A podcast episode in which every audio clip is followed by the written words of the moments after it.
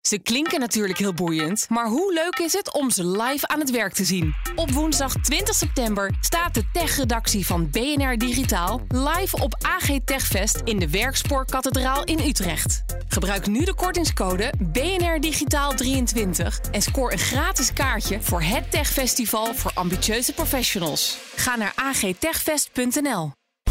BNR Digitaal wordt mede mogelijk gemaakt door Levi9 Technology Services. Partner in software, product development en digital strategy. Heb jij de BNR-app al? Met breaking news in de podcast BNR Beurs. Download de app en blijf scherp. BNR Nieuwsradio. Digitaal. Joe van Buurik en Ben van der Burg. Goed dat je luistert naar BNR Digitaal. Deze week is het weer Apple nieuws dat de klok slaat. Hoewel niet zo allesomvattend en aanwezig als de slimme bril Vision Pro... die eerder dit jaar onthuld werd. Maar ook over de iPhone 15 die net onthuld is, valt genoeg te zeggen. Dat doen we hier dus zometeen. En later praten we over Edge AI. Wat dat precies is, hoor je zo. Want een Nederlandse start-up is daar serieus mee bezig... en haalt er ook miljoenen mee op. Plus, we beschouwen chipsontwerper ARM... dat deze week met een recordvaluering naar de beurs moet worden gebracht. Maar eerst, Ben van den Burg. Ja. Moeten we het nog even hebben over de biografie van Elon Musk? Ja, van heb- Walter Isaacson, want daarover had je het al in de Daily Move. Zelfs bij Op 1 weer eens. Ongelooflijk. Hebben we gekeken, ik wel. Eh, maar wat moeten wij als echte techliefhebbers, Ben, hier eh, in dit programma nou weten over deze naar verluid echte techneut? Nou ja, het is echt traditioneel. Dus in het begin van zijn carrière tot diep in de nacht, hele nachten door code, code, code, code. En dat deed hij samen met zijn broer. En dan hadden ze Zip 2, dat was een van zijn eerste bedrijven. En dan kregen ze ruzie, dan gingen ze slaan met elkaar. En dan beet zijn broer ze in zijn arm en dat een stuk vel eruit. En dan moest je naar het ziekenhuis om dat, om dat gehecht te krijgen. En zo is hij geworden wie die extreem is. Echt extreem. Maar misschien Ja. aardig wat, wat eh, verstopt is in het boek. Hij heeft een mantra, dat heet het algoritme. Wat? En ik, ik weet, ik had heel veel gelezen over Musk, maar dat, ik was dat kwijt. Weet ik. Het algoritme is dit. Je betwijfelt alles. Ja. Alles wat er gebeurt, Dat klinkt als Elon Musk. betwijfel je. Dus dan vraagt hij van, maar is dat een wet? Of wie zegt dat dan? Waarom moet dat dan? Dus de first principles, helemaal naar Eigenlijk de als kern. een kleuter. Altijd vragen waarom. Waarom, en gaat hij helemaal naar de diepte en dat is tot de extreme. En daarna gaat hij alles weghalen. Oh, gaat hij alles weghalen, weghalen, weghalen. En, dus het, en mensen zeggen nu al in zijn team van ja, het algoritme. Dus dat weten ze al. Ja, ja. En nog even over tech. Hij gaat zo diep dat hij. Hij komt dan in een. Hij gaat dus tot diep in de nacht. Zit hij in die assembly eh, lijn zit hij en dan ziet Bij hij iets. X-Star zit hij in zijn weekend X of bij, nacht. eh, of bij Tesla. En dan zegt hij gewoon van... hey, is, dat, is, is die ene robot wel goed afgesteld? En dan is er bijvoorbeeld maar één persoon die dat, die dat controleert... en die weet dat dan niet. Nou, dan scheldt hij natuurlijk helemaal verrot. En dan Ja, moeten ja. de mensen gewoon midden in de nacht komen... om dat weer op te lossen. En dan denkt hij, dat is verkeerd afgesteld. Ja. Ben, heb je door wat er gebeurt? Jij zegt nu X, geen Twitter meer. Komt het door het boek? Ja, nee. Ik, Jawel. Ja, daar is ik spijt van dan. Ja. En dat hele... Nee, het is toch gebeurd. Het is toch gebeurd. De wil van Elon Musk, het algoritme. Het slaat toe in je hoofd. Ja, dat, en dat hele X, dat is ook. Hij heeft twee keer er in een, in een brain fart dat hij maar iets raars deed. Dat was dus met die McLaren. en Die van Ja, die 1 miljoen McLaren F1 die die plat reed, Maar ja. het was ook Twitter kopen. Ja. Tot diep in de dat nacht zijn, zijn gamen. twee gekke uitspattingen. De, de meest extreme, dat het echt dus gevaarlijk was. 44 miljard. En de, door gamen tot diep in de nacht, niet slapen en dan maar van, ik doe het. Ja. En ook geen spijt hebben, want verliezen is voor hem totaal geen probleem. Als hij verliest, hij, hij geeft daar niks om. Nou, misschien kunnen we er allemaal wat van En leren. jongens, geen empathie meer hebben voor, eh, voor, voor Ja, daar ben ik het dan weer niet mee. Nee, ik ook niet, totaal niet. Maar ja, dat zegt zeg. hij. Joe van Buurik en Ben van der Burg. Tijd om een nog veel meer veelbesproken lancering ook hier te bespreken. En dat doen we nu die net officieel gepresenteerd is, de iPhone 15. Today, we're pushing what users love about iPhone even further. iPhone 15 is absolutely incredible, and I'd like to show it to you now. Mooi engelengezang de haas bij. Fantastische muziek hadden ze. Dat was immers het grote nieuws tijdens Apple's Wonderlust-presentatie afgelopen dinsdagavond. Maar los daarvan eigenlijk misschien niet zo heel veel nieuws in die show van Apple. Is dat erg of niet? En wat vinden we van wat we wel hebben gezien? Dat zijn vragen voor de mensen in deze studio. Namelijk Jelle Prins, appontwikkelaar en investeerder. Welkom. Dank je. En Martijn de Rijk, BNR's verslaggever en Apple-adept. Ja, daar ben ik weer. Natuurlijk moeten we jou erbij hebben. Nou mannen, zeg maar, wat viel jullie het meest op aan de presentatie?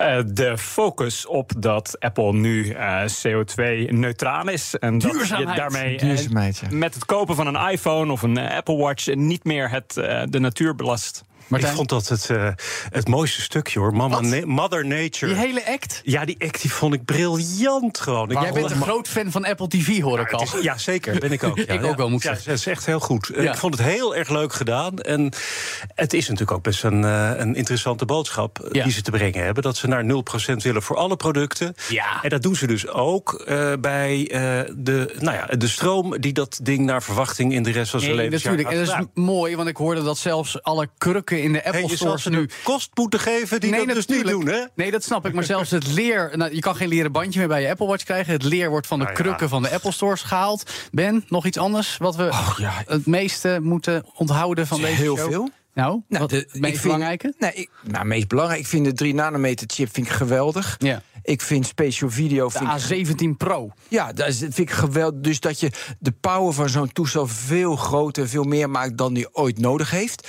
Eh, dan, heb je, dan heb je spatial video. Vind ik mooi. Voor helemaal voorbereid op de Vision Pro. Ja, gaan we het straks over hebben? Gaan we straks- Dus dat vind ik goed. Dus ja, ik was. Ja, ik wil geen fanboy zijn, maar ik werd best wel enthousiast. Ja. Het was op alle vlakken was het gewoon net een stapje beter. Ja. En, en ook eh, verrassend, een nieuwe processor voor de, voor de watches, hè, voor Ja. de horloges. Waardoor eh, je gewoon geen telefoon meer in de buurt moet hebben als Nee, je, de Apple als je series- Siri wil gebruiken. Precies, Apple Watch fijn. Series 9 en de Apple Watch Ultra En 2. de nu Tita al. Tovenaar eh, knip, hè, die kun je maken. Dus met je, je Ja, nee, dat ook Precies. nog, inderdaad. Nou, Ja. we hebben het nu eigenlijk al een beetje opgezond. Maar toch al hetgene wat het meest nou ja, lang verwacht is, wil ik toch wel zeggen omdat we het zagen aankomen en misschien ook niet per se Apples eigen keuze was, namelijk de overstap naar USB-C. USB-C has become a universally accepted standard.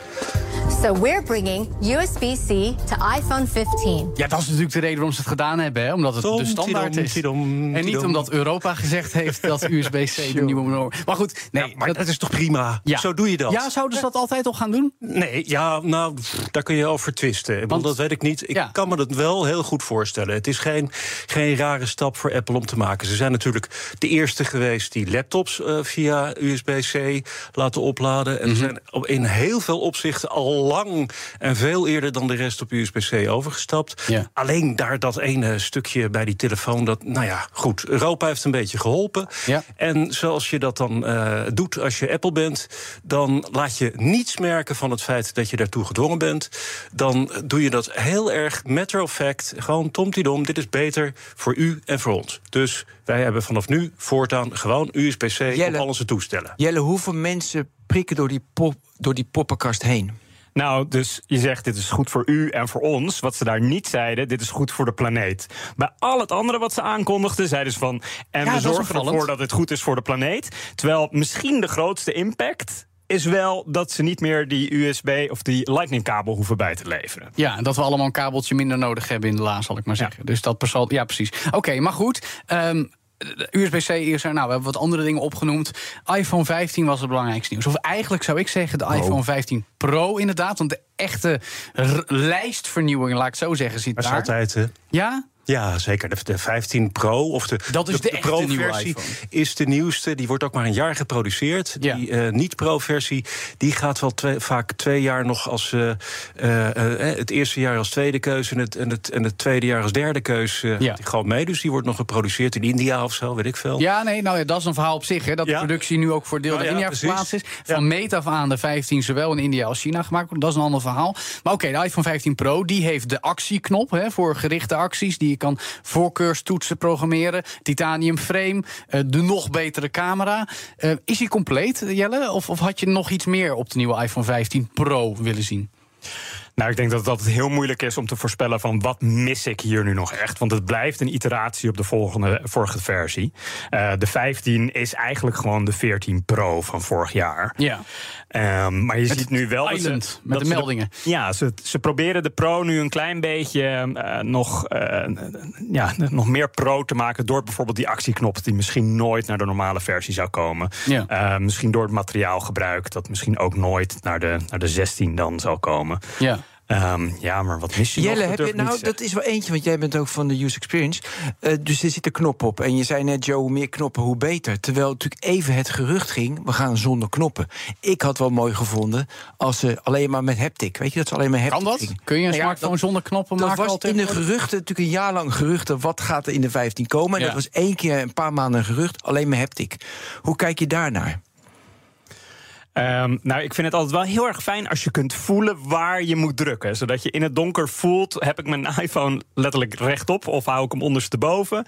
Ehm maar zijn niet nu al een aantal van de knoppen eh, haptic? Als je je telefoon uitstaat, dan, dan voel je die niet klikken. Terwijl als je die aanstaat wel, toch? Dat... Ze zijn niet haptic. Nee, ze zijn niet haptic ze meer. zijn- ze- ze- Ze je drukt het ze even echt wel, hè? letterlijk in. Ja.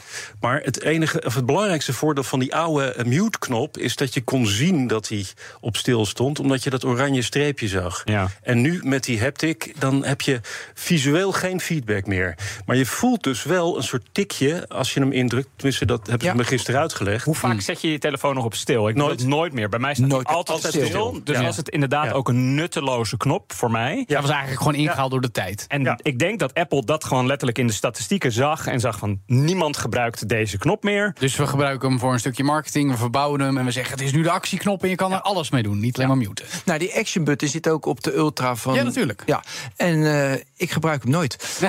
Nee, ik, ja, Nou, goede use case, Ben. ja, dus ik, ik denk, ja, wat moet ik ermee? Ja, ik, Ja, dan Ja. moet je je er even in verdiepen. Want Nee, het is ja. best heel handig. jij hebt als hem je- ook gebruikt, maar jij vindt hem wel zeker. toegevoegde waarde hebben? Nou ja, als ik de deur uitloop voor een, eh, om een stukje te gaan hardlopen, dan, En één dan druk op druk de ik op de action-knop en dan start hij meteen. En dan kom jij in actie. En dan kom ik in actie. Eh, Dat is echt eh, dat is ongelooflijk, man. Ja. Actie ga je dan achter de eh, action-knop op de iPhone doen. Ik denk dat ik, dat, eh, dat ik dan de camera doe. En dan eh, kun je het ook nog zo doen dat Ja, je camera. de camera start en eh, de tweede keer op drukt dat, dat de camera afdrukt. Nu komt daar even de Ja. eeuwige zure opmerking van de Google Pixel-eigenaar. Oh, maar als zijn- ik, die heeft er drie, nou, nee, als ik, ik heb er al jaren en dag gewend. En dat is niet alleen Google Pixels, ook Sam- misschien gewoon Android. Dubbel tap op de standby-toets, dan ga ik ook naar de camera. Dus, maar dat is dan dus wat hebben, wij- ik bedoel, dat, dat soort, Hebben jullie dat soort zijn er op de, de iPhone ook. Je, Ja, precies. je tikt de gewoon backtap heb je. tik-tik op de, op de achterkant en dan start hij op. Heel vervelend. Ik wil het even over de camera hebben, hè, want we hadden het net ook over de spatial video, de 3D-video's die je dan kan maken met precies met die, met die meerdere lenzen,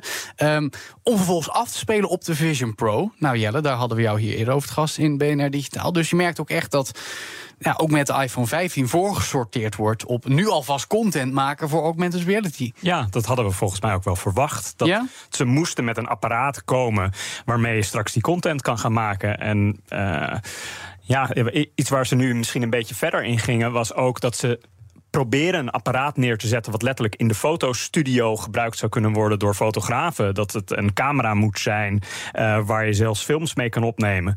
En in het verleden hebben ze daar voorbeelden van getoond. En dacht ik van, nee, ja. Ehm, ik ben benieuwd eh, wanneer we zo ver gaan zijn dat het ook daadwerkelijk gebruikt gaat worden. Nou, dat Je- is een beetje een goede vraag. Nee, Je ziet dat de voortgang op camera's dat dat steeds meer bepaald wordt door de AI die erachter zit. eh, in plaats van het glas van de Ja, lenzen en precies. dergelijke en de sensoren. Eh, en door de massa's aan iPhones die Apple produceert. Eh, kan Apple misschien op een gegeven moment inderdaad in de buurt komen voor een aantal fotografen van het, het grote toestel wat ze anders bij zich zouden Ja, dragen. want dat wouden ze ook nu heel graag weer laten zien. Hè? Eh, Bepaalde foto's die met de iPhone 15 Pro geschoten zijn. Met de, de, de, de parameters erbij en waar het genomen is. Dus ze proberen wel echt heel erg in de buurt te komen van... nou, professionele fotograaf, je hebt echt aan een iPhone voldoende. Maar tegelijkertijd komen ze dan met dit nou, eigenlijk futuristische eh eh, eh, vernieuwingje... om 3D-video's te maken. Voelt toch nog iets wat prematuur. Of zie jij het jezelf al doen, Martijn? Nou ja, ik, ja, ja zeker wel. Ja. Kijk, ja, en nu de alvast vastleggen video- wat je over een jaar in de Vision Pro opnieuw kan ervaren in 3D? Ja, het, is, het is toch gewoon. Het, ja, het lijkt me leuk om daarmee te spelen. Ja, maar het meer een dan een gimmick bedoel ik? Ga, wordt het, wordt het nu al je nieuwe standaard? Is het, vooralsnog is het natuurlijk gewoon een, een gimmick. Maar ja, het lijkt me wel leuk om daar een beetje mee te spelen. Ja. En sowieso, eh, die videocamera's met name van, die, van die iPhones... die worden echt heel intensief gebruikt. Ja, ja voor, door vloggers ook. Door vloggers en, en door. eh, Nou, daar worden halve speelfilms worden er, eh, op gedraaid. En wat dat betreft ook interessant dat ze nu eindelijk eh, eh, USB-C eh 3.0 erop hebben zitten. Want eh, ja, die echte eh, professionele overdracht. jongens die, die veel fi- filmden met iPhone. Die hadden er gewoon acht liggen. Want je schoot hem vol en dan moest je hem leegladen. En dat duurde zo lang met uh, Lightning... dat je gewoon de, de, volgende iPhone pakte. En ja, nou ja, dat gaat nu natuurlijk met, uh, met USB 3.0. Gaat dat veel sneller. Sterker nog, je kunt direct filmen vanuit je camera. Ja, direct op de opslag dat gaat hij direct zetten. naar de opslag gaat. Ja. En ik denk dat dat. Hè, ik bedoel, laten we eerlijk zijn. Als je ProRes video biedt. en uh, allerlei uh, uh, high-end standaarden voor kleurcorrectie. en Ja. weet ik veel wat allemaal. dan moet je er ook gewoon. dan moet je, dan moet je het compleet maken. Precies, dan moet je dus niet dat door, is- een, uh, door een lightning-kabeltje moet. Nee, dat is voor de influencers en voor de professionals fijn. Maar ik vraag aan De rest Jelle. van de wereld die vindt dat niet zo belangrijk. Nou ja, ik vraag aan Jelle. Eh, wanneer denk je van die camera is wel goed genoeg? Dus wanneer denk je van, nou nu hoef ik niet de Pro te kopen. Ik gebruik gewoon de normale 15. Dat vind ik oké. Is dat punt al bereikt? En ik denk dat, dat punt, naar mijn idee, gaan we bereiken. Want ik zag al die, uh, al die pro-dingen, denk ik, ja, ga ik, al, joh, ik maak alleen maar screenshots met, met, met, met mijn telefoon. Ik maak nooit foto's. En ik heb een pro altijd. En nu straks weer de nieuwe pro. Dus wanneer is het genoeg? Nou, de camera is voor mij de afgelopen jaren de reden geweest om Precies. telkens te upgraden. Ja, Meestal Zeker als je twee kinderen jaar. doen heel veel dan, mensen. doe Ja, je dat. ik heb twee Ik kleine kinderen. Ja. En, eh, en, en mijn oude iPhone gaat dan ook naar mijn vriendin. En haar telefoon gaat dan naar mijn broertje. En Herkenbaar. zo onderhoud ik de familie. Zo werkt de economie tegenwoordig. Maar zorg ik er ook voor dat zij weer betere foto's kunnen maken. Wat weer zorgt dat we meer foto's hebben van de Maar kinderen. wanneer is het genoeg? Heb jij dat idee nooit? Dat kan ook, hè? Dat, we, dat het zo goed wordt, de Nou, foto's. ik- is het niet gewoon zo dat. Natuurlijk, het begint al richt- richting genoeg te, te, te komen. Hè? Maar voor mij persoonlijk is het minder belangrijk dan vroeger dat ik iedere keer de nieuwste moet hebben. Dus ik doe er wel echt merkbaar langer mee. En ik denk dat dat, dat, dat eh, voor heel veel mensen geldt hoor. Dat je gewoon wat langer met je iPhone doet. Tenzij je eh, misschien echt een totale nerd bent. Maar dat is het wel het interessant, want we hoorden de afgelopen maanden heel vaak... nou, de, de verkopen van smartphones, juist ook iPhones, die gaan niet meer zo hard. Dus de- je kan zeggen, er is een bepaald belang voor Apple... mensen toch weer heel erg aan een iPhone 15 te krijgen. Je ziet het ook een beetje in de prijzen, want een gewone iPhone 15 is 50 euro goedkoper dan zijn voorganger. De 15 Pro is 100 euro minder dan zijn voorganger. Ze willen echt dat we allemaal naar de Apple stores rennen of wat online kopen. Je krijgt wel wat nieuwe features en zo, maar... Jelle, het voelt toch alsof ze een balans hebben moeten kiezen van we gaan mensen nieuwe dingen geven. We moeten het ook niet te ingewikkeld maken, want we moeten de prijs in de hand houden. Mensen moeten wel nieuwe toestellen gaan kopen. Nou, ik vind de toestellen wel behoorlijk prijzig. Nee, nee, maar ze zijn niet duurder geworden. Oh, zo. Ze zijn goedkoper geworden. Goedkoper, hè, de afgelopen Ja, jaren. Dat is, dat is. Ja, het is een met inflatie meer voor minder geld dan een jaar geleden. Maar eh, dat hebben we toch in elektronica eh, afgelopen twintig jaar gezien. Dat het Nou ja, langzaam... ondertussen inf- is er inflatie, componenten zijn nog steeds best Ja, maar het lastig is wel zo inderdaad dat de iPhone daar dan de enige uitzondering op was. Die Nou. dan toch langzaam steeds duurder werd. En volgens mij is dit enorm goed eh, nieuws voor de Europese Ja. Centrale Bank. Nou, dat hangt er een beetje vanaf. Ik geloof dat de geruchtenmolen voor de Pixel 8 nu is rond de 800 euro. Dus dat zit dan nog steeds onder de iPhone 15. Ja, dat is dan het prijspunt waar zij proberen te concurreren. Ehm, Oké, maar ook nog even over Apple Silicon dan. Die chip, hè, die A17 Pro chip van TSMC. 10% sneller dan zijn voorganger. Hele mooie graphics. Dat vond ik dan weer opvallend als gamer. Apple liet heel erg zien wat hem, dat hij bijna in de buurt van een PlayStation 5 moet komen. Nou, dat in de praktijk zal het meevallen. Ja, dan zie jij er ook als, als app-ontwikkelaar mogelijkheden voor. Van nou, het feit dat in een iPhone nu zoveel grafische rekenkracht moet komen. Of is dat ook weer een beetje voorsorteren richting die Vision Pro? Ik denk dat het voor app-ontwikkelaars niet heel veel meer uitmaakt. Kijk naar, naar Ben die nog veel actiever apps ontwikkelt. Ik denk dat ze, ze gaven voorbeelden eh, van games. En dat het daar is meer rekenkracht. Dan kan je veel meer gaan doen daadwerkelijk. Als appontwikkelaar, die animaties die je gebruikt... zijn vaak standaard ondersteund door de Apple SDK's. Wat is dan wel de meerwaarde van, van raytracing, wat ze die zien, hè? die Nou, belichting en, en gewoon... Ik weet niet of het voor appontwikkelaars daar zit... maar dat je op een gegeven moment veel meer AI-dingen on-device kan gaan doen. Zo ben Mike Ik er heel enthousiast Ja, ik ben heel enthousiast. Ja. dat je dat on-device kan gaan doen, dat gaat wel ervoor zorgen dat eh, veel meer dingen veel snappier aanvoelen. Ja. Eh, dat privacy eh, veel beter gewaarborgd kan worden. Vanwege de krachtigere chip. Vanwege de krachtige chip. Dus Ja, dat is ook wat Apple zegt. Van kijk eens, als je nu aan je Apple Watch, waar een minder krachtige chip in zit, iets vraagt, dan sturen we die audio niet eerst naar de cloud, omdat het Blijft daar on-device kan worden. op de watch. On-device gedaan worden. En zo is het dus start die veel sneller de actie. Ja. En voor mij is Siri op mijn Apple Watch voelt nu een beetje onbruikbaar, omdat het te traag is. Ja, omdat het Eh, eerst naar je telefoon en dan weer terug, et cetera. Ja, en, en eerst nog naar, Naar de cloud. Ja, ja, ja. Ehm, Maar goed, oké, als we dan toch over de Apple Watch hebben trouwens. Eh, want ook nog, dat noemden we het ook al, de bediening kan nu met de vingertoppen op de, de hand van je draagarm, zal ik maar zeggen. Dat doet ook denken aan hoe we de Apple Vision Pro moeten gaan bedienen. Namelijk door in de, in de lucht te knijpen. Dus dat, dat is dan ook een, een, een stapje in de, in de categorie besturing en interface. Ja. Voor, voor Apple is het natuurlijk een veel natuurlijkere interactie. Of tenminste, zo gaan we proberen dat doen? aan mensen te leren. Martijn? Ik, ik zeker, ja, zeker. Oh, absoluut. even eh, snoezen door gewoon je, je duim en je wijsvinger tegen dat- elkaar te sowieso. Dat, is de oké-knop. hè en eh, Ja. je pakt er de telefoon mee op, je hangt de telefoon ermee op. Ook weer, als je Ja. klaar bent met je gesprek. Ja. Eh, ja, ik ga dat zeker gebruiken. Wordt dat de ik, eh, toekomst van interface, man? Ja, ik denk dat je met... met je vingers. En straks Ja. dan krijg je al Nou. andere gebaren, joh. Dan moet je even in je oor zitten en dan Ja. eh, weet ik veel. Ik, eh, ik sprak iemand die iemand bij Apple sprak. ja, dat was Mooi. mooi. Net maar als je mijn had- oom bij Nintendo. Ja, precies. En die, maar de- dus ze hebben met die Vision Pro hebben ze hem dus de hele dag op. Gewoon acht, negen uur lang kan je hem ophouden. En is dus alles inderdaad met je handen. Dus ik zie inderdaad, inderdaad dat wel als toekomst. Ja, nu wilde ik eigenlijk als laatste vraag de cynische vraag stellen dat er niet heel veel nieuws bij zou zitten. We hebben toch best wel veel nieuws besproken. Maar is het ook echt innovatief? Of is het allemaal meer evolutie? En hadden we iets echt innovatiefs verwacht? Of zijn jullie, we, tevreden met wat Apple voor dit najaar getoond heeft? Ik ben een ontzettende fanboy. Maar vroeger keken we dit soort keynotes omdat er dan echt nieuwe dingen bij kwamen waar je als ontwikkelaar iets mee kon. Er kwamen een GPS-chip bij, bij de iPhone 3G. Eh, er kwamen een, een veel hogere resolutie scherm, enzovoort, enzovoort. Eh, nu is het allemaal iteratief. Het is allemaal een klein beetje beter. En eh, waar je vroeger misschien zelfs wel elk jaar of elke twee jaar zou gaan upgraden, daar wordt het nu misschien eh, elke vier jaar, vijf jaar voor de toch meeste zijn er developers die denken... hé, hey, die chip is sneller, nu kan ik toch mijn model draaien... nu lokaal. Dat lukte niet, dat het model dat ik had. En nu wel, waardoor ik toch die applicatie kan maken... die ik nu wel wil maken. Je hebt natuurlijk helemaal gelijk...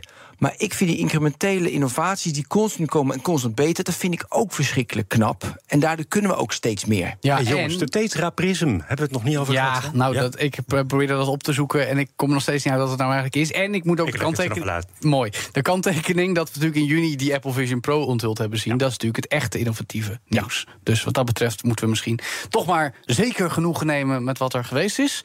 Of moeten we juist rijkhuizend uitkijken naar De Vision Pro. de volgende One More Thing? Want dat was ook de One More Thing. Nee? Is het goed zo? Ik, ik, ik, ik zou moeite hebben met bedenken van wat ik nog aan mijn telefoon verbeterd wil hebben. Martijn? Ik zou het ook niet weten. Ja, het kan altijd sneller en beter en mooier. En dat gebeurt al. En dat, daar zijn ze mee bezig. Ja, nou, dat is duidelijk. Dank jullie wel. Jelle Prins, appontwikkelaar en investeerder. En Martijn de Rijk, BNR's verslaggever en Apple-adept hier bij BNR. Straks in BNR Digitaal duiken we in de wereld van Edge AI. En daarvoor hoeven we niet eens heel ver te gaan, want het gebeurt in eigen land. En we beschouwen ARM of ARM. Dankzij de veelbesproken beursgang moet dat straks 50 miljard dollar waard zijn. Hoe dat zit, hoor je zometeen.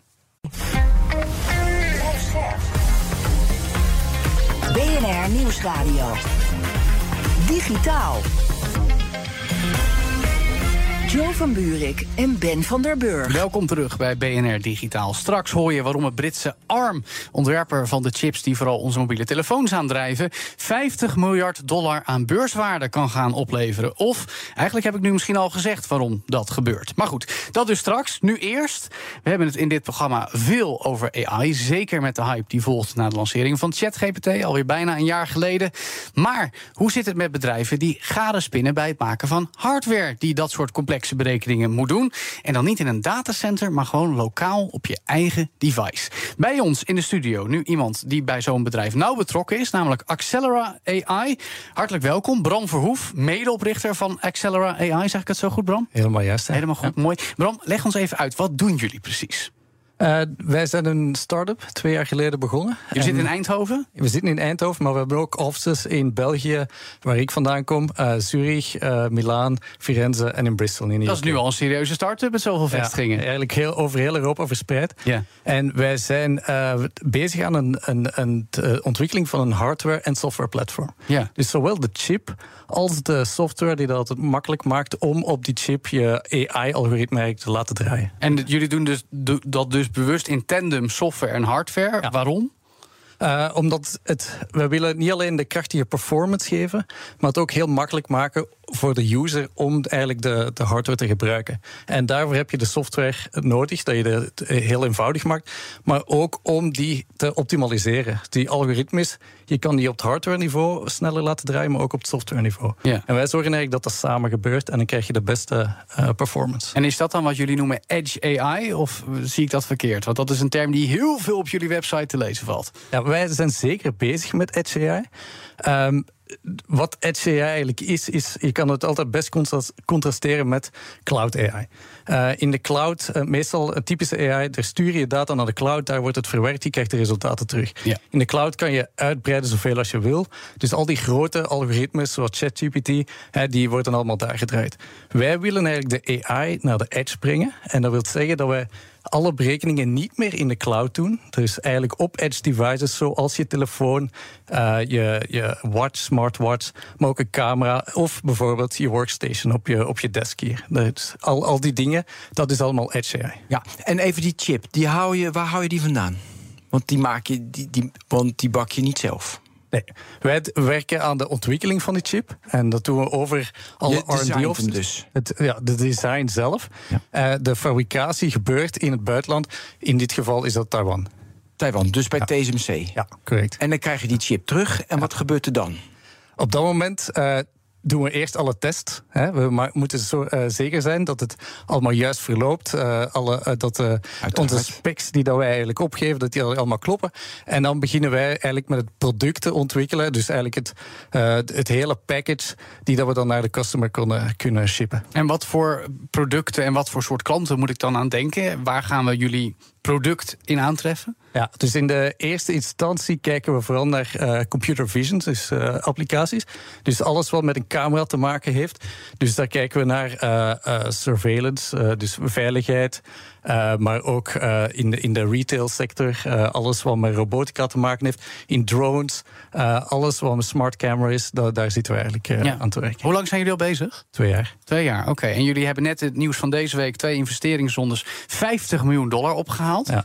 Wat doe je met zo'n smak geld in deze fase? Ehm, jawel, je, je gaat misschien versteld staan. Dat gaat er eigenlijk sneller door dan dat je denkt. Oh, je hebt het uitgegeven? nee, nog niet, maar... eh, Naar TSMC. Ja, precies. We zijn, het DSMC krijgt er zeker iets van.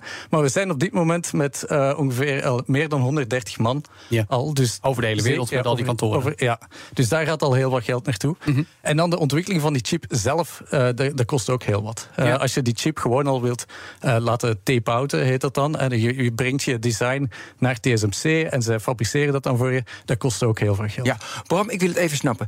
Dus eh, hij zit in een camera. Je traint van tevoren de beelden. Want je kan dat niet natuurlijk eh, over de cloud sturen, nieuwe beelden. Dus je hebt hem van tevoren getraind. Ja. En dan herkent hij bijvoorbeeld een fiets. En dan weet hij van, oké, nu moet ik, nu moet ik aangaan. Ja. Dat is wat je doet. Dat is een voorbeeld van een, een edge application in de camera. Dat klopt helemaal. Dus wij, wij focussen echt op de inference part. Dat wil zeggen niet dat wij het algoritme gaan trainen. Die trainen doe je zoals jij zegt op voorhand. Wij zorgen ervoor dat het uitvoeren van het algoritme, eens dat het getraind is, zeer efficiënt verloopt. Is dat dan ook jullie USP? Want jullie zijn zeker niet de enige die dit doen, volgens mij. Nee, er zijn zeker nog eh, bedrijven. Talloze. Ja, nee, Nou, maar, maar- hoe, hoe onderscheid je dan? Welke van de dingen die je net opgenoemd zeg je nou, die doen wij zo goed of op zo'n manier? Dat is onze onderscheidende waarde. Ja, kijk, wij, wij ehm, hebben onze eigen technologie ontwikkeld. Die is eh, gepatenteerd. Eh, wij zorgen er eigenlijk voor dat de berekeningen in het geheugen gebeuren. In een normaal eh, ontwerp heb je je geheugen en dan je v- verwerkingsunits, zoals de CPU voor- bijvoorbeeld. Ja. En wij zorgen er eigenlijk voor dat die samen zijn gekomen, waardoor dat wij veel sneller de bewerking kunnen doen, eh, energie-efficiënter en ook veel kostbewuster. En is dan die, de- zeg maar, die, die connectie, is dat dan waar het patent op zit, zal ik maar zeggen? Is dat dan wat uniek van jullie is? Dat is één van de eh, patenten waar dat we aan dus hebben gewerkt. Plus dan zorgen we er ook voor dat onze software ideaal is voor die hardware die dat we hebben gemaakt. Ja. We kennen de hardware zeer goed en we zorgen ervoor dat er een interactie is tussen de software designers en de hardware designers. En dan noem je het een platform. Waarom noem je dan een platform? Want het is toch gewoon, je hebt hardware, je zet de software op en je stopt het in een camera. Wat is het platform dan? Want wij- ik bouw daar toch niet op? We, geven eigenlijk ook de mogelijkheid aan uh, onze klanten om daar verder op te bouwen. We hebben bijvoorbeeld ook een, een webplatform uh, waar dat heel makkelijk is om eigenlijk je, je eigen de, uh, software of je eigen algoritme op te, te trainen of te ontwikkelen zelfs. Van, van nul kan je beginnen en dan heel makkelijk op onze chip te de, deployen. Dus eigenlijk je, algoritme naar de chip te brengen. Ja. Um, hoe, hoe, complex is dat? Omdat je het juist in combinatie doet. Er zijn ook bedrijven die juist of hardware of software doen. En die maken het een stuk makkelijker. Zijn jullie bewust die uitdaging zo aangegaan? Zeker weten, ja. ja. ja. We denken dat dit de enige manier is om echt te kunnen differentiëren. Uh, maar het is zeker complex als je kijkt naar uh, de mensen in ons bedrijf. Uh, er zijn dus meer dan 130 man nu aan boord. En 50 daarvan hebben een PhD van heel gespecialiseerde uh, universiteiten. Dus echt met diepe technologische achtergrond. Dus dat is inderdaad niet zo makkelijk om, om te doen. Maar goed, dan heb ik toch eens een kritische vraag. Ik weet het, Qualcomm of Nvidia, ja. die hebben uh, 130.000 man ja. die hier aan werken. En die beuken er onbeperkt geld in. Natuurlijk, je hebt een patent, je hebt iets unieks gemaakt. Maar dit gaan schalen, dat is het belangrijkste en het moeilijkste en het heftigste. Ja, klopt. Hoe ga je dat doen? Uh, kijk, ik denk dat we in, in het juiste klimaat hier leven. Wij, de, er is zo een nieuwe strategische, uh, politieke, economische drive naar het hebben van chip development binnen op je continent. En daarin zijn wij binnen Europa echt de sterke speler. Nu al na twee jaar eigenlijk. En al die andere bedrijven zoals Nvidia en Qualcomm zijn zeker concurrenten, maar zitten in Amerika. En hebben ook, in het geval bijvoorbeeld dan van Nvidia, een technologie ontwikkeld voor eigenlijk grafische toepassingen. En daardoor zijn ze iets minder gespecialiseerd naar het AI-domein toe. Ook al is het natuurlijk zeer goed. Maar als je kijkt natuurlijk uh, naar uh, de performance die dat je krijgt per dollar die dat je investeert, uh, zijn wij een factor 10 beter dan Nvidia bijvoorbeeld. Okay. Dus sneller, beter, betere beelden. Het, het, qua, qua performance dat je krijgt, is het veel goedkoper bij ons dan, dan bij Nvidia. Oké. Ja, en heb je dan, ik dacht gelijk aan mijn auto, hè, dan ga ik een auto. Dus heb je nu al klanten die jullie technologie gebruiken in een auto bijvoorbeeld? In een auto nog niet. Het, het moeilijke is in de automotive industry is om daar binnen te geraken. Heel veel regelgeving, ook een beetje inertie. Uh, mensen hebben de, uh, de, neiging om eigenlijk aan hun uh, technologie vast te houden. Maar we hebben wel al klanten. Nu eigenlijk deze week onze eerste product hebben we geshipped naar onze klanten. En die zijn er dus nu mee aan de gang. Welke klant is dat? Ja, welke? Mag je niet zeggen, zeker? Nou, mag ik nog niet zeggen. Het is nee, ongelooflijk dat je dat niet mag zeggen, want we moeten. ja, dat is toch gek? Nee, maar kun, kun, je iets zeggen over wat voor branche dat is? Ja, kijk, het is inderdaad, we zitten in verschillende retail, zoals ik zei, surveillance, security, ja. uh, de, de uh, quality inspection in, in bijvoorbeeld uh, fabriceren, maar ook in healthcare bijvoorbeeld. Ja, dat is ook een belangrijke branche. Ja, juist in deze combinatie. Hey, jullie hebben het ook volgens mij over de democratisering van AI, mede door jullie producten. Um, hoe, hoe, hoe draag je dat verder uit? Dat dat, dat dat zo belangrijk is voor jullie? Kijk, eh, de democratisering wil eigenlijk zeggen bij ons dat wij aan een zeer goede prijs AI die makkelijk bruikbaar is naar de klant brengen.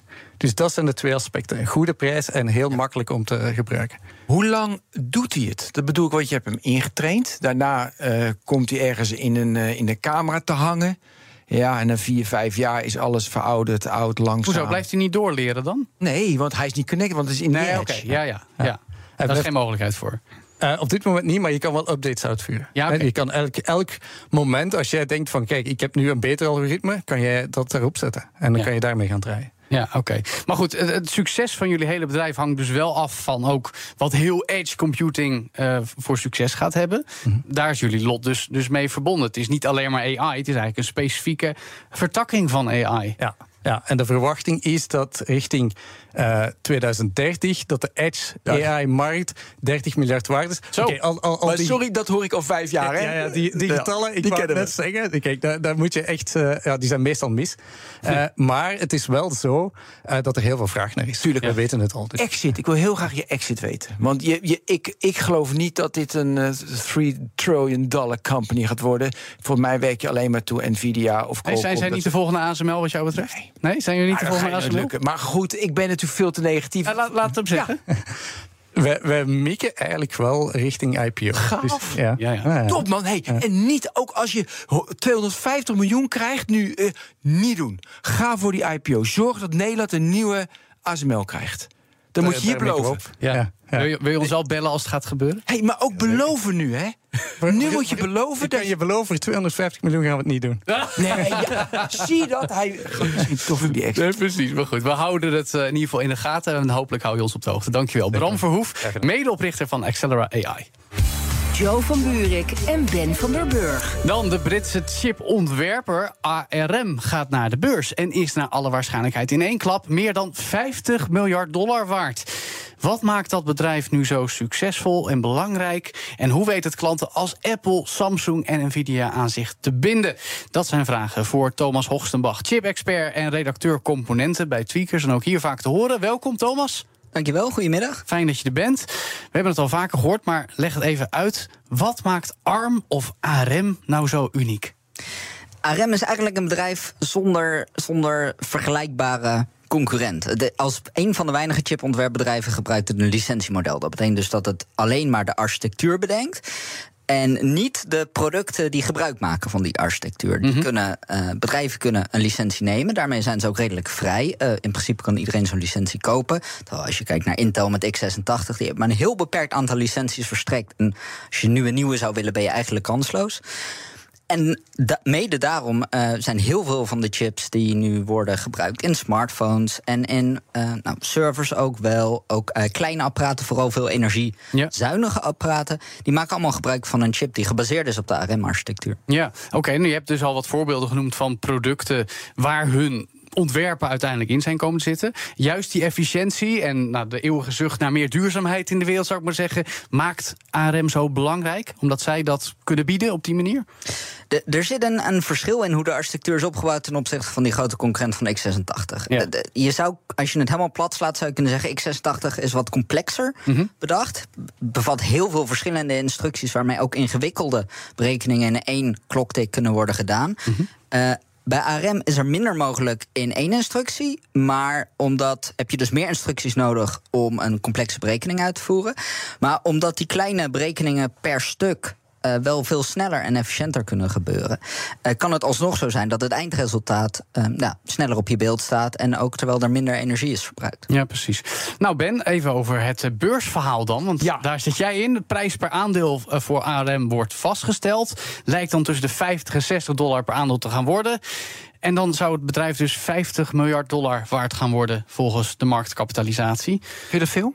Gewoon even zonder dat je... Ja, het face value zou ik zeggen, dat is veel. Maar jij volgt Nou, nogal wat langer dan ik. Ja, nee, maar kijk, wat gewoon onwijs interessant is... je hebt een semiconductor index... en dan kijken ze dus wat de gemiddelde semiconductor bedrijf... Wat dat, eh, hoeveel keer de eh, omzet, wat de waarde dan is. Ja. Die, die zit op 9,9, zeg maar even 10. Ja. De omzet is 2,5 miljard, eh, miljard. Ja, Ze per jaar. zou die, per jaar. Dus ze zou die 25 miljard waard zijn. Ja. hey, En waar- 50 miljard. En dus dubbel zoveel. Dat is, maar we zitten natuurlijk in een gekte. Ja. Als je kijkt naar bijvoorbeeld Nvidia, dat is twee, niet 10 keer, maar is 32 keer. Maar Nvidia zit helemaal in een gekte. Uiteraard, een dat is in bedrijf. 12 maanden drie keer zoveel waard geworden. Maar dan kijken we even naar Thomas. Is de hele AI-hype nu puur de reden dat, twee keer zoveel dan Precies, gemiddeld dat er is. zo, zo, zoveel verdubbeling of verdriedubbelling van waarde is? Of zat het al langer eraan te komen?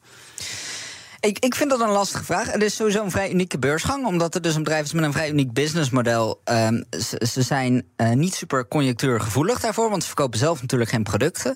Ehm, en ze ke- kennen niet echt een evenknie. Dus ik denk dat het ook heel moeilijk is om de waarde van zo'n bedrijf in te schatten. Want aan de ene kant kun je zeggen, ja, ze verkopen niet direct producten. De omzet is helemaal niet zo hoog in vergelijking met nou, de echt grote techbedrijven, de Nvidia's, de Apples. Ja. Ja, aan de andere kant, het is natuurlijk wel een bedrijf dat, dat in het centrum staat van heel veel producten en, en aan die basis staat. Nou, het dus, gaat er natuurlijk om, dus met die waarde van wat is de groei, waar zie je groei? Dus kan je nog meer licenties uitgeven en heb je daar een unieke waarde in? En er zijn natuurlijk bedrijven die denken van ja, ik kan, ik kan zelf. Kan ik dat ook? Ik kan zelf die, eh, die architectuur, dat ontwikkelen, dat developen, eh, die, ja, kan ik dat zelf ook doen? Ja. En dat is natuurlijk de vraag. Nou ja, 50 miljard, denken ze nu dat dat is? Ja. Maar de concurrentie, ja, weet je, zit ook niet stil. Nee, er is, maar de bedrijf Apple, weet je wel, die hebben natuurlijk, die gebruiken eh, ARM. Maar die hebben ook zelf zijn ze aan het ontwikkelen van uh, of ze die de, of ze dat design ook zelf kunnen doen. Ja. Ja, dat is misschien wel een leuke vraag. Ik wou zeggen. Waarom heeft Apple voor ARM gekozen en Nou. hebben ze niet zelf wat bedacht? Leg uit. Uh, nou, ze kwamen dus van, van x86 af, van Intel. Ze waren op dat moment niet tevreden eh, met de producten die Intel uh, produceerde. Er zit ook een hoop oud zeer, zeer tussen. Oh, zeg, dat lieten ze uh, horen tijdens de vorige Apple-presentatie in juni. Dat ze Intel. letterlijk de vergelijking maakten met hoe slecht Apple's, of met Intel's chips wel niet uh, waren. En dan zag de beurskoers ook omlaag gaan. Maar ga verder. Ja, maar toen hebben ze. Uh, ze, ze maakten al eigen ARM-socks voor iPhones. Mm -hmm. Voorheen gebruikten ze daar extern ontworpen ARM-processors voor. Die zijn ze toen zelf gaan maken. Ze hadden dus een afdeling die wist hoe je op basis van de ARM-architectuur processors moet maken. Ja. En dat schaalden ze steeds verder op. Uh, uiteraard werden de processors in iPhone steeds sneller. En op een gegeven moment zijn ze toen gaan werken aan het project om ook voor Macs processors, eigen processors op basis van ARM te doen. Dus ze hadden die kennis al in huis. De, de voornaamste uitdaging was het opschalen. En wat het voordeel bij Apple dan natuurlijk is, is dat zij de macht hebben over een ecosysteem om te zeggen: wij gaan over twee jaar wisselen naar ARM. Zorg maar dat je je software tegen die tijd geschikt hebt gemaakt voor ARM. Ja. Want anders, nou, dan is er wel een concurrent van jou die wel een fijne ARM-versie van die software heeft en die dan veel lekkerder en efficiënter draait op onze hardware. Ja. Um, dat is ook gelijk het antwoord op de vraag waarom zien we dit niet in de Windows-wereld gebeuren. Want er zijn ARM-processors voor Windows en er bestaat een, een ARM-versie van Windows. Ja. Um, alleen die reden die Apple had, dat ze niet tevreden waren over Intel, dat ze het graag in-house willen doen, die hebben fabrikanten van Windows-PC's en laptops niet echt. Die hebben een jarenlange samenwerking met Microsoft en Intel. Worden samen ook wel Wintel genoemd, al van, van heel van uit de jaren 90. En als je dan gaat kijken naar de, veruit de meeste software voor Windows is, is x86. Uh, dat werkt dus het efficiëntst. Je kunt die ARM-versie van Windows gebruiken, maar dan ben je die software aan het emuleren. Dat heb je prestatieverlies bij, dat heb je efficiëntieverlies bij. Uh, er is voor die fabrikanten dus niet echt een duidelijke reden waarom ze dit zouden moeten doen. Zeker niet als je bedenkt dat er eigenlijk maar één fabrikant is van ARM-chips voor Windows. Ja. Dat is Qualcomm. Ja. En uh, die doen het er eigenlijk een beetje bij na smartphones. Fox. En dan zie je ook dat qua techniek dat dat twee, drie jaar achterloopt op wat ja. Qualcomm nu voor smartphones doet. Maar Thomas, jij vertelde me ook ooit dat ARM die licenties bijvoorbeeld voor Apple zijn zo goedkoop. Weet je, dat ze denken van joh, ik pak die licentie wel. En ze bouwen zelf een design er nog omheen. En andere bedrijven die pakken gewoon letterlijk dat design. Mhm. Mm -hmm. En dat vond ik ook interessant. Het is zo goedkoop, zo simpel om te gebruiken. Maar dat betekent dat natuurlijk ook, ja, hoe uniek, weet je, hoe kan je het uitbreiden? Dat blijft dan wel de vraag. Ja. Heb je daar nu een antwoord op? Waar kan ARM nu groeien? Nog meer speciale designs? Hoe moeilijk is dat dan om te maken? En zegt iemand anders in een zolderkamertje ergens op de TU Eindhoven: ik kan dat ook. Ja, hm. nou aan de ene kant inderdaad, ze maken dus de architectuur. En op basis daarvan maken ze een referentieontwerp voor een core. Maar dat kun je één op één kopiëren. En dan betaal je wat meer aan ARM. Of je bent zoals Apple en je zegt... op basis van die architectuur kunnen we eigenlijk nog een slimmere core ontwerpen... dan ARM zelf doet.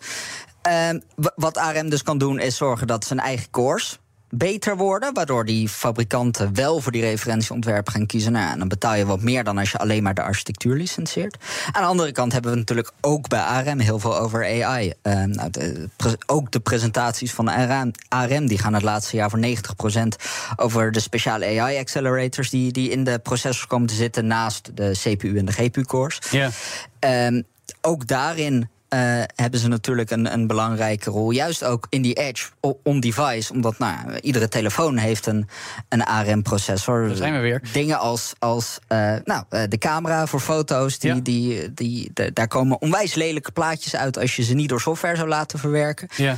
Dus dan ben je on-device, eh, kun je met AI heel veel doen... om die foto mooier te maken. Ja, heel even een kleine duik in de geschiedenis voordat we afronden. Want hoe kan het juist dat ARM die grote speler is geworden? Omdat Intel was zeker pakken mee 20 jaar geleden was de grootmacht. Ja, en die, die een boot hebben ze dus gewoon gemist. Die, die boot die heeft Intel wel gemist. Eh, ARM komt oorspronkelijk van een computerfabrikant. Die zijn in de jaren 80, jaren 90... zijn die gewoon eh, voor hun desktopkasten... wilden ze een eigen processor gaan bouwen. Ja. Eh, die, die had dus die wat simpele architectuur. Die, die is eh, ARM gaan heten. En op een gegeven moment toen kwam eind jaren 90, begin jaren 2000 kwam de PDA op. En later is er natuurlijk de smartphone uit voortgekomen. En op dat moment is er gewoon gekeken welke processors kunnen we daarin stoppen. Intel had daar niks voor. En die ARM-architectuur die had dus een beetje die natuurlijke neiging naar efficiëntie, naar zuinigheid. Dat past natuurlijk heel goed bij smartphones, want daar wil je een hoge accuduur bij halen.